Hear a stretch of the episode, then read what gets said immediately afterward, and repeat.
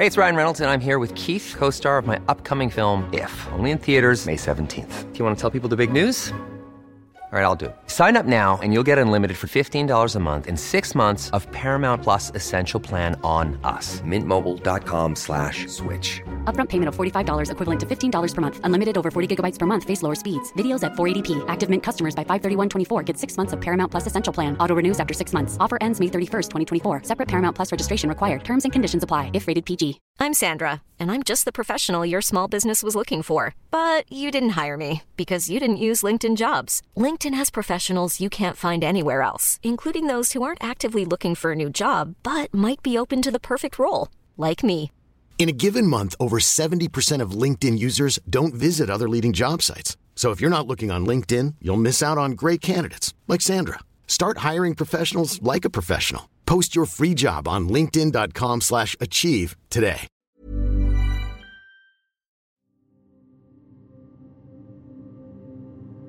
I perioden 1992 til 1999 er veksten i bergensmenigheten Levende Ord eksplosiv. Medlemsmassen når 2000. Bibelskolen eksploderer fra 50 elever til opp mot 300. Folk flytter der, og de blir værende. Stemningen i salen på Øvre Kråkenes disse årene er elektrisk. Liv blir forandra, og mange ser tilbake på dette her som en gullalder. I denne episoden av podkasten Levenors vekst og fall starter vi rundt 1999, og vi ser at veksten bare fortsetter. Men det er likevel noe som setter seg i menigheten i denne perioden rundt tusenårsskiftet. Folk forteller om en stolthet og arroganse som vokser fram i de sjøl overfor andre menigheter. Det blir tøft å merke for de som står rundt. Så var det liksom aldri noe annet, eller iallfall det nest beste. Og det ble en veldig polarisering. Og eh, mange i de miljøet, jeg kjenner jo veldig godt mange der, de satte jo menigheten absolutt først. Det krevde alt, det miljøet. Den sterke overgivelsen og det voldsomme tempoet skal dessuten begynne å tære på for en del. Nettopp det som er så utrolig attraktivt ved Leve Nord, er i ferd med å legge grunnlaget for fallet. Du lytter til podkasten Leve Nords vekst og fall, og jeg er Eivind Algerøy. Denne podkasten følger Leve Nords vekst gjennom 13 år, fram til den våren 2006 som ender opp med at Enevald Flåten, da Norges mest profilerte pastor, måtte gå. Hvordan kunne Leve Nord vokse til å bli Norges største frimenighet på så kort tid? Og hvordan kunne prosjektet falle så fort?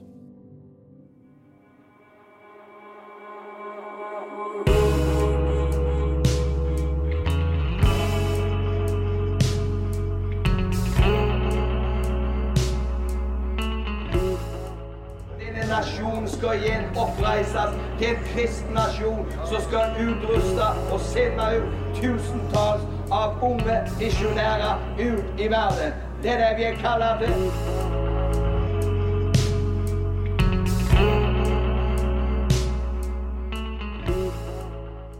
Flåten leder en organisasjon med 150 ansatte og en omsetning på 60 millioner kroner i året.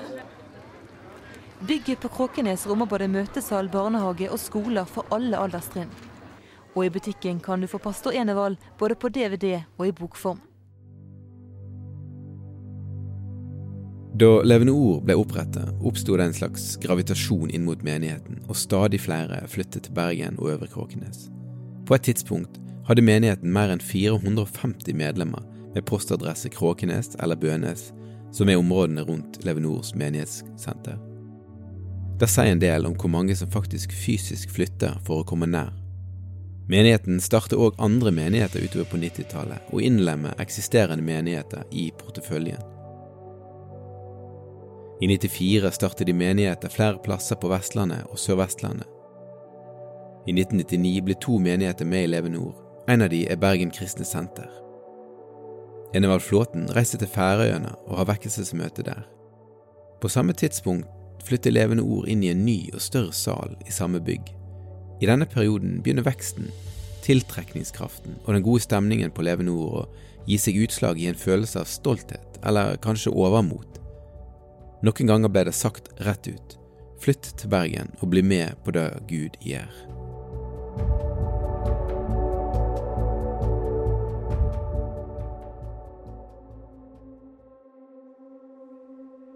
Og så kommer Enevald som et fyrverkeri. I Stavanger møter jeg Sten Sørensen, en annen erfaren pastor i Frikirke-Norge. Og, og, de var så overbevist om at dette var rett, altså. Og dette var eh, det beste som fantes av tilbud, om vi skal si det sånn, på den tida. Og han var en av de som fikk merke på kroppen hvordan det var å stå utenfor levende ord. Men det er klart at jeg fikk trosbevegelsen, og særlig levende ord-varianten, på en sånn en måte inn i hva skal jeg si, både psyken min og i livet mitt som gjorde at eh, jeg syntes det var veldig slitsomt. Fordi det var der Gud var.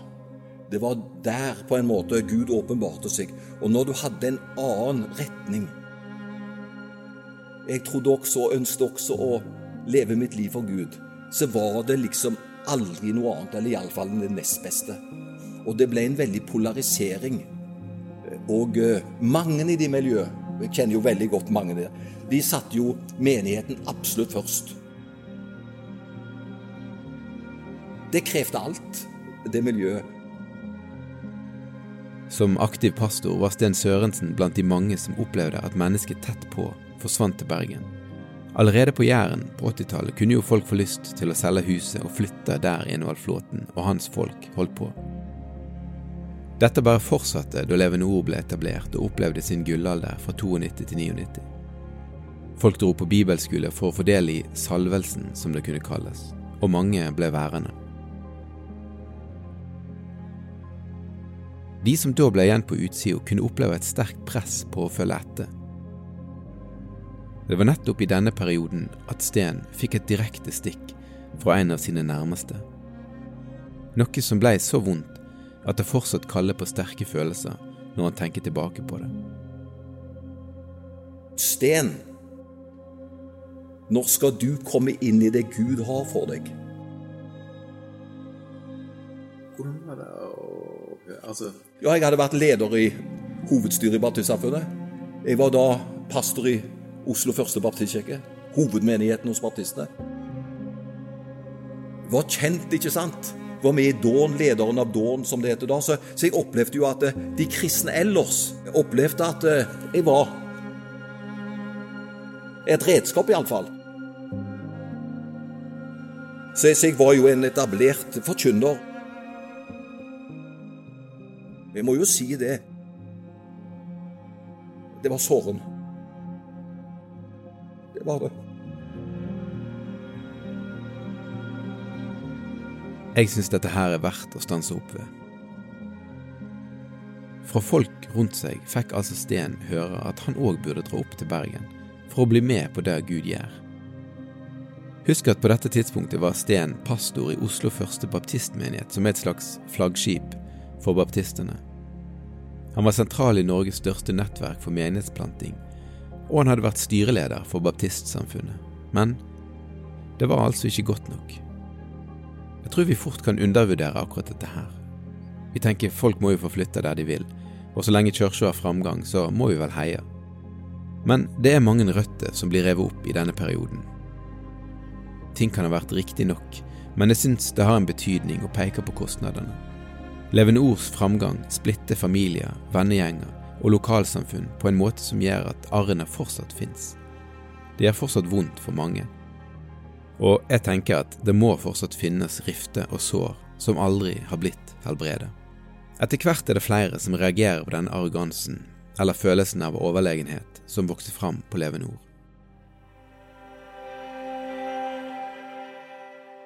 Og blant de som befinner seg på innsida, i hvert fall når de ser seg tilbake. I første episode ble vi kjent med Jan Helge Hindenes, som senere ble pastor i Leve Ord. Han var på innsida av Levende Ord på denne tida, og han kjenner seg igjen i det Sten observerer fra utsida. Ja, jeg kjenner igjen da.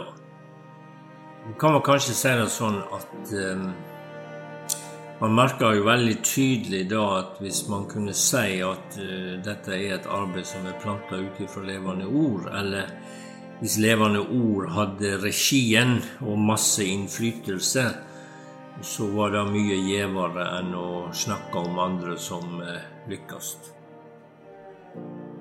Og eh, jeg husker at på den ene sida så reagerte jeg på det. Eh, fordi at det er jo en feil ånd. men på den andre sida så kunne man òg forstå det, fordi at vi hadde det så vanvittig godt der vi var. Så hvordan skulle det kunne komme noe som var bedre? Man merker vel det at den hva skal jeg si, jeg vet ikke om jeg skal kalle det holdning, men den her eh, ubevisste, nedlatende innstillingen til andre, som levende ord i ettertid har tatt avstand fra sjøl, den økte vel på. I ettertid har flere sentrale ledere beklaga akkurat denne holdningen. Her er Leif Jacobsen. På et tidspunkt ble det fortalt om et bilde, eller en drøm, eller hva det var, om at levende ord, da, som det etter hvert ble, skulle være lokomotivet. Og de andre menighetene vognene som ble dratt av dette lokomotivet. Og det var den mindre flatterende siden ved det prosjektet.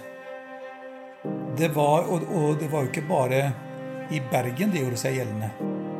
Også i Oslo Kristensenter. Der gikk det jo rykter det er jo i Bergen det skjer. Leif snakker om en holdning som var nokså utbredt i menigheten. Personlig så syns jeg ikke det er så vanskelig å forstå at dette vokste fram. Jeg tror at de som befant seg på Øvre Kråkenes, opplevde det som at det kokte rundt dem. Det var alltid masse folk. Store navn ble invitert, og de som kom, ble imponert, og de ga uttrykk for det. Opplevelsen av å være med på noe ekstraordinært mater opplevelsen av å være helt spesiell. En slags elitestyrke i Guds rike, hvis du kan se det sånn. Det satte seg i sjølforståelsen og resulterte i det Leif kaller en holdning. Jeg var nok også farget av den. Og jeg har et sterkt behov for å beklage akkurat den siden. det var, det var respektløst.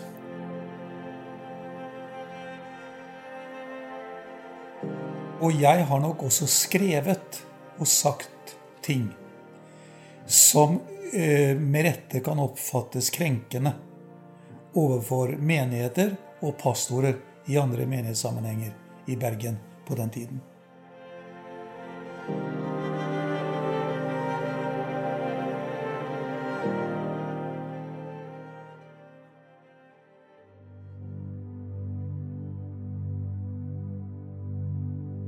I stad så hørte du Sten Sørensen snakke, og han sa noe i en bisetning som jeg tenker er viktig for denne episoden. Sten så at Levende Ord krevde alt for de som var med. Et viktig poeng er at folk ikke nødvendigvis responderte på et uttalt krav om å gi alt.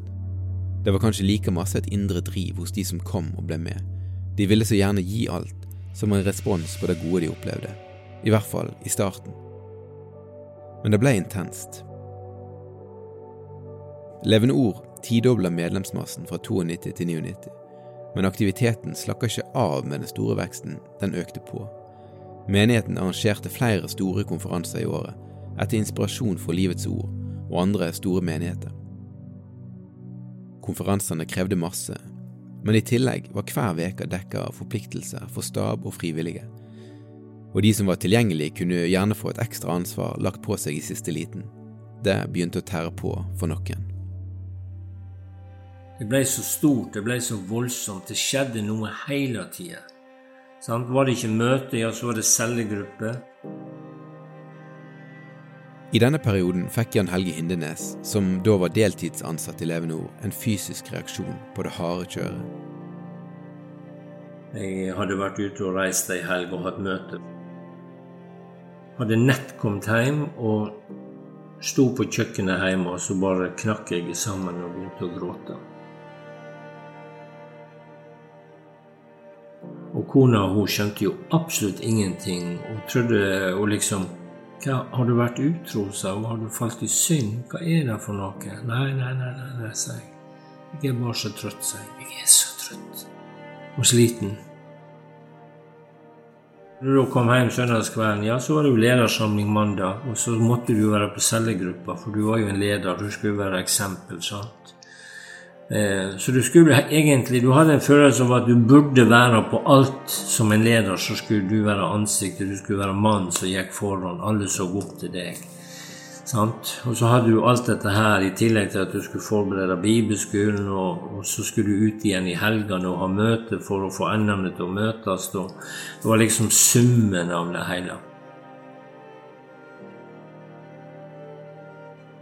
Jeg brente meg jo ut.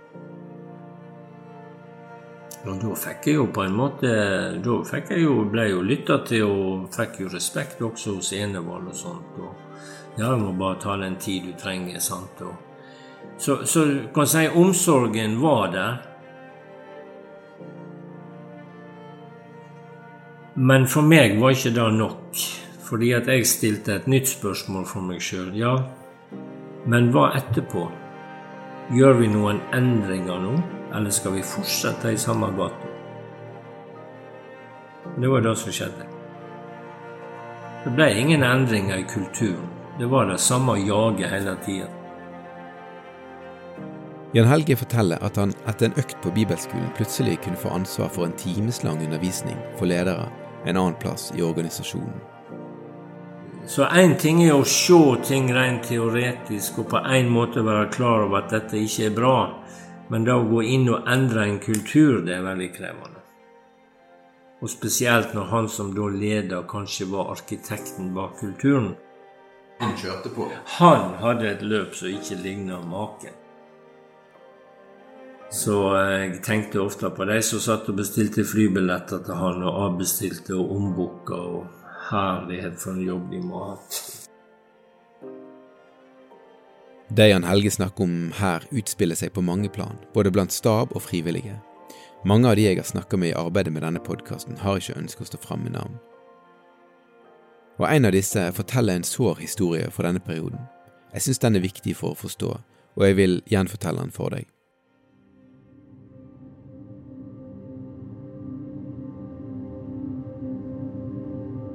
Denne mannen var ofte med på rigging av teknisk utstyr, og han forteller om nyttårskonferanse, påskekonferanse, pinsekonferanse og den store sommerkonferansen. På et tidspunkt opplevde han at det var konferanse hver langhelg. Tidspunkt der andre folk kanskje hvile og henter seg inn. I tillegg var det ledermøte hver mandag kveld, som var obligatorisk for de som leder såkalte cellegrupper, husgrupper, små enheter som møtes i heimene. Tirsdag var det cellegruppe, onsdag korøving, torsdag bønnemøte, fredag ungdomsmøte, lørdag torgmøte og søndag et langt søndagsmøte som ofte kunne vare fra klokka 11 til klokka 3. I tillegg kom to timer før for forberedelse. Det høres ut som en parodi, men denne mannen er langt fra den eneste som kan si at Levende Ord fylte alle ledige rom, både i kalenderen og i livet.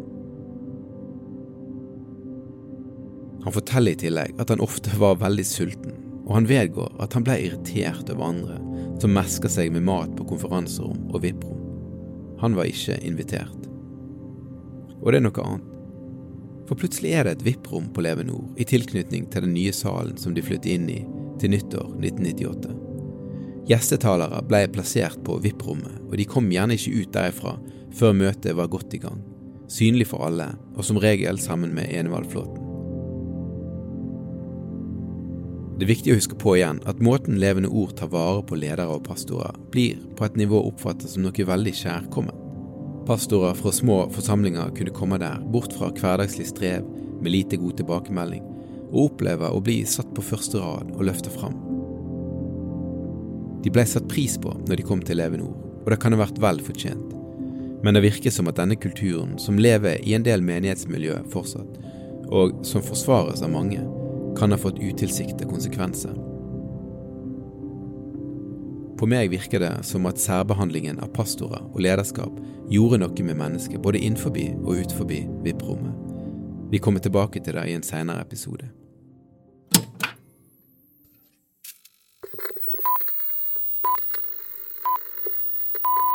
Enevald Flåten er vår lørdagsgjest.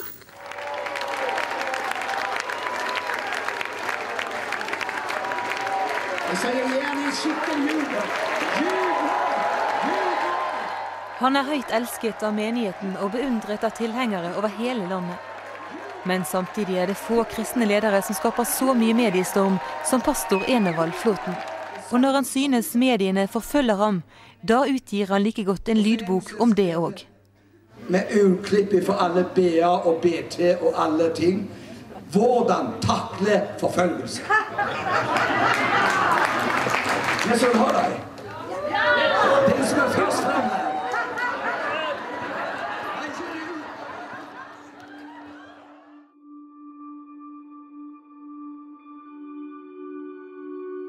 TV var en viktig del av den menigheten.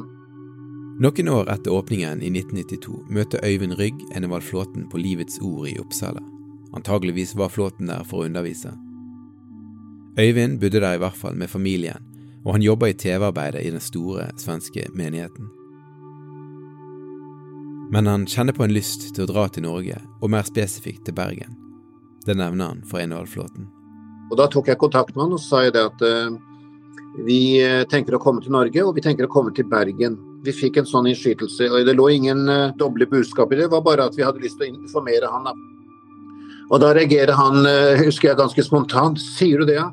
Men du, la meg få ta en prat med de hjemme, så kanskje vi kan finne en løsning for deg på, på TV-avdelingen. TV var en viktig del av den menigheten. Og han kom tilbake etter et par uker og sa at vi vil gjerne ansette deg der borte. Øyvind hadde flytta til Uppsala for å gå på bibelskolen i 86, og nå flytter de til Bergen for å være med og gründe fram det som jeg mener må ha blitt et av de mest avanserte TV-arbeiderne knytta til en norsk menighet. Så vi kom inn der som ja, veldig spennende tid, må jeg si. Det var det. Da Rygg kom i 95, kokte det på Øvre Kåkenes. Man hadde kjøpt en TV-buss som sto i kjelleren og ble tømt for utstyr. Det skulle opp i det nye kontrollrommet, der Levende Ord TV var i ferd med å bli unnfanget. Det var nesten berusende faktisk å komme inn i det arbeidet også den gangen. TV og media var et satsingsområde for Levende Ord, og jeg syns det er verdt å poengtere at menigheten faktisk nådde noe av sin ekspansive og misjonerende visjon gjennom akkurat denne delen av virksomheten. For man sendte på kabel-TV rundt i regionen, og NRK2s flate ble benytta på ettermiddag og på sein kveld. Men Øyvind forteller at medieteamet strevde med å finne et format der Enevald passer inn. Vi holdt på over lang tid. Hva skal vi gjøre for han? Skal vi dra hjem til han? Og det prøvde vi å lage programmer hjemme hos han. Vi lagde kaféprogrammet med han i studio. Og ingenting av dette her, det er liksom ikke den responsen vi hadde håpa og, og liksom ville ha. Løsningen var enklere enn Øyvind og TV-teamet så for seg. I stedet for å dra Enevald inn i forskjellige TV-konsept, filma de han der han kjente seg mest hjemme, på talerstolen og i undervisningen, ofte direktesendt. Når vi begynte med det, så, så sprakk bobla. For da, da, begynte plutselig folk å ringe inn og opplevde både hebredelser og frelse på lufta i Bergen over NRK2-senderen og, og kabel-TV. Så det ble en veldig, veldig spesiell opplevelse. Rygg forteller meg noe annet som jeg merker meg særlig. For de lagde andre program, fra andre deler av menigheten. Ungdomsmøte på fredag kveld, forbundsprogrammer.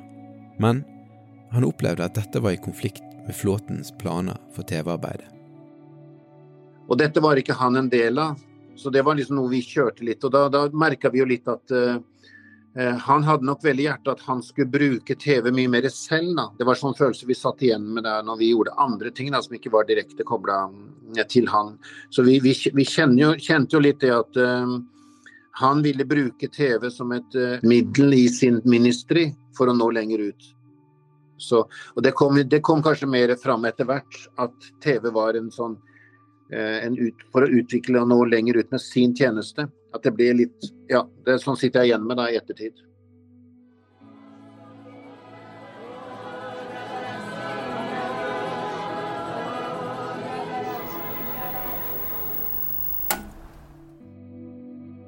TV ble en viktig plattform for Enevald-flåten. Og igjen, dette kan forstås, og Øyvind sier til meg at de gjorde jo ikke noe annet enn å virkeliggjøre menighetens visjon. Og så var det denne tanken om at pastor Enevald Flåten var den som veldig mange var kommet for å oppleve uansett, og å være nær. De spesielle gavene som ble tent allerede på 80-tallet, kunne mangfoldiggjøres gjennom TV. Og I tillegg til TV var det distribusjon av litteratur, kassetter, videoer og hefter med undervisning og masse av det som tiltrakk ved Leve Nord.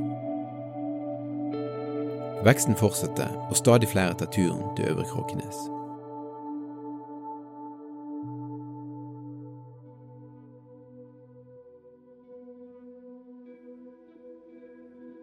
Jeg var jo med all over the place. I 1995 kom Knut Egil Benjaminsen til Bergen og til Levende Ord rett fra videregående skole. Han begynte på bibelskole der. Pastorsønnen kom til levende Ord midt i det mange beskriver som menighetens gylne år. Faren min han hadde gått på bibelskolen nede på GKS, og jeg, jeg, følte veldig sånn tilknytning til det som skjedde der, bevegelsen. Og når Enevald da flytta til Bergen og starta Leve Nord, så, så da reiste vi til Bergen istedenfor til Jæren. Og da kom jeg på en måte fra Halsnøy, der, der det, ikke skjer noen ting. Og det er lite som skjer ellers òg på Halsnøy, på en måte. Så det, og um, jeg var jo med all over the place.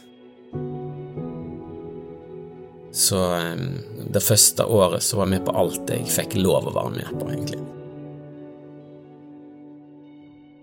Det var bibelskolen, det var bønneskolen rett etter bibelskolen, og så var det ungdomsmøtene på fredagen, eh, søndagsmøtene, og så hadde de distriktsmøte òg, så de betjente litt forskjellige samlinger rundt Bergen, da. Så der òg var jeg med innimellom. Knut Egil er en av de mange, veldig mange, som kaster seg inn i levende ord med hele seg på denne tida. Møtet blei altoppslukende jeg kjente at dette her Og jeg, jeg, jeg tror nok òg at folk sa det til meg, og det gjorde de. De så at dette her gikk feil veien. Jeg elsker jo å få være med på det som skjedde, da. Og så var det spennende, sånn som distriktsmøtene, da får du jo reise med en taler, og være med i ungdomsarbeidet var òg selvfølgelig veldig kjekt i en sammenheng der du opplever at Gud beveger seg, mennesket blir helbreda, det er kunnskapsord Du kjenner at det gjør noe med deg sjøl, sant? Det er en veldig sterk følelse av at Gud er der og virker. Da hadde jeg veldig lyst til å få med mest mulig av det, da. Men et positivt og lystbetont engasjement fikk noen konsekvenser for Knut Egil som på dette tidspunktet var lærerstudent. Jeg opplevde det sånn at det var nesten hver dag på Levende Ord i en eller annen anledning. da. Det slo meg en gang jeg, jeg hadde vært sjuk, eller ja, jeg, var, jeg, hadde vært vekke et par dager bare. Og kom tilbake igjen og kjente at nå kjentes dette lenge ut, og det er det ikke. Og det er litt spesielt. Når jeg studerte, så, så merka jeg jo da at det, menighet er ganske altoppslukende. De relasjonene som kanskje kunne fått være med å bety noe for noen utenfor menigheten mer, sant? og òg at de hadde betydd noe for meg, gjerne eh, fått litt mer input derifra og sånt. Fått kanskje en annen balanse i ting, jeg vet ikke. Men jeg merker at da, eh, da Jeg hadde ikke tid til det. Sett i ettertid ser Knut Egil altså at medstudenter ble neglisjert til fordel for menigheten. Han blei på sett og vis isolert for de menneskene som menigheten egentlig skulle nå. Og det er et fenomen som er langt fra ukjent i menighetssammenheng, men kanskje likevel viktig å påpeke. Og fordi noe lignende utspilte seg på menighetsplan, og det er nok noe av grunnen til at Rune Walderhaug, Bergens Tidenes kirkejournalist, aldri fikk en opplevelse av at Levende Ord lyktes med å sette sitt preg på bybildet i Bergen. Det skjedde så masse på Øvre Kråkenes. For denne episoden så holder det å høre hvordan han opplevde miljøet på Levende Ord da han kom der, hva det betydde for han, og så hvordan han kastet seg inn i det og ga absolutt alt. Det er noen tema i denne podkasten som kan være vanskelig å forklare, men som vi må ta med oss. Hva assosierer du eksempel med olja som renner fra Arons skjegg? Jeg ser for meg en todelt reaksjon. Du som veit akkurat hva jeg snakker om, og du som lurer på om denne podkasten akkurat sporer av. La meg prøve å forklare. Levende Ord arva en teologi kanskje fra Livets ord i Sverige, som tok utgangspunkt i noen fortellinger fra Det gamle testamentet. Blant annet en bibelsalme som snakker om Moses' bror Aron, som blir innviet med olje, som igjen renner ned og velsigner andre. I en annen massebruksfortelling støtter Moses medhjelpere hendene hans oppe, sånn at han kan be til Gud for Israels seier. Du skjønner bildet. Hovedpastoren blir gudsmannen Moses. De som står rundt, har som jobb å holde han oppe. For å gjøre en lang historie kort, så bidro sånne fortellinger og skriftsted til å gi pastoren en avgjørende rolle i menigheten. Akkurat dette med pastoren som gudsmann, den som hører for Gud, profeten. Dette er litt masse, kanskje, men det er en viktig komponent i maktbasen som pastoren på Øvre Kråkenes bygger opp, og som andre bygger opp for han. For dette bildet av pastoren som gudsmannen førte nemlig til at noen, og kanskje mange, ble mer forsiktig med å ytre motforestillinger. Jan Helge Hindenes sier noe om dette her. Jeg følte vel kanskje ikke at jeg var i posisjon til Selv om jeg var med i lederteamet, så var jeg ikke den indre kretsen. Så jeg følte vel ikke at jeg var helt i posisjon til å kunne uttale meg så veldig sterkt. Og samtidig så eh, er det jo den måten som ofte er i den type menigheter, at pastoren har veldig mye makt. Og man bør ikke stille for mye spørsmålstegn med det som pastoren sier, for da kan man fort arbeide mot Gud. Han hadde med Gud å gjøre.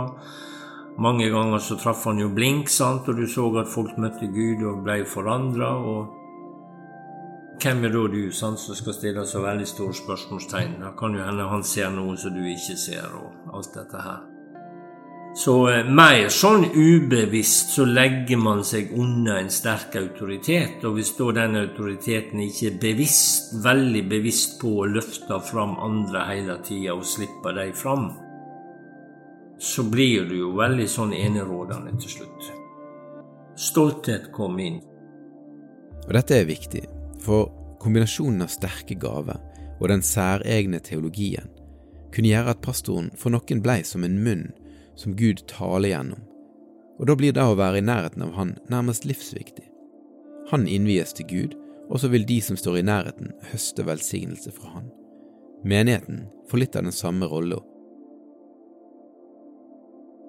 Og kanskje ser du hvordan en sånn tenkning setter pastoren i en privilegert posisjon med masse makt potensielt, særlig overfor enkelte mennesker.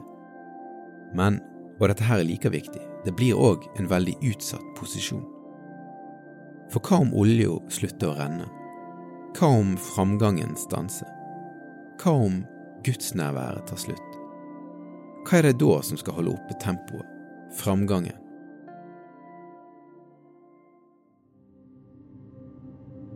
I denne episoden har vi hørt hvordan Levende Ords vekst og framgang skapte flere utfordringer både utad og innad i Levende Ord. Og det må ha vært vanskelig å oppfatte dette her i et miljø der framgang nesten var en del av identiteten. Framgangen ble forkynt, det ble sunget om framgang. Den imperiebyggende visjonen ble repetert. Det lå i lufta. Det lå i blodet. Og selvfølgelig fantes det folk som lå merke til det noe mer problematiske. Jeg har snakket med noen av de. Men den voldsomme veksten gjorde det vanskelig å få gehør for motforestillinger.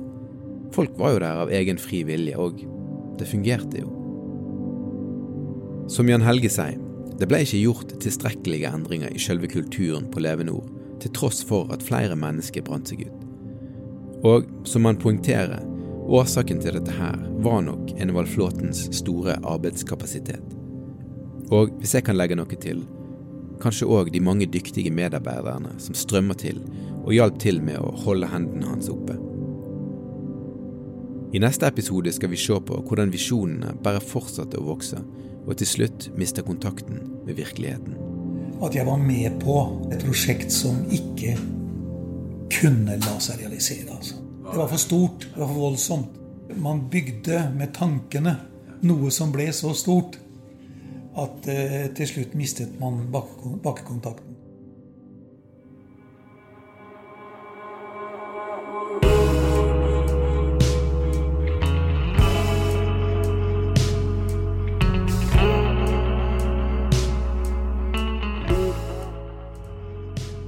Du har lyttet til podkasten Levende ords vekst og fall, en podkast fra dagen. Klipp Miriam Kirkholm. Idé- og reportasjeledelse ved Vebjørn Selbekk. Konsulenter Herman Fransen og Christian Marstrander fra Lyder Produksjoner. Sosiale medier og grafikk ved Simon Sætren. Tittelspor er låten 'Engleøyne' fra artisten Stenersen. Jeg heter Eivind Algerøy.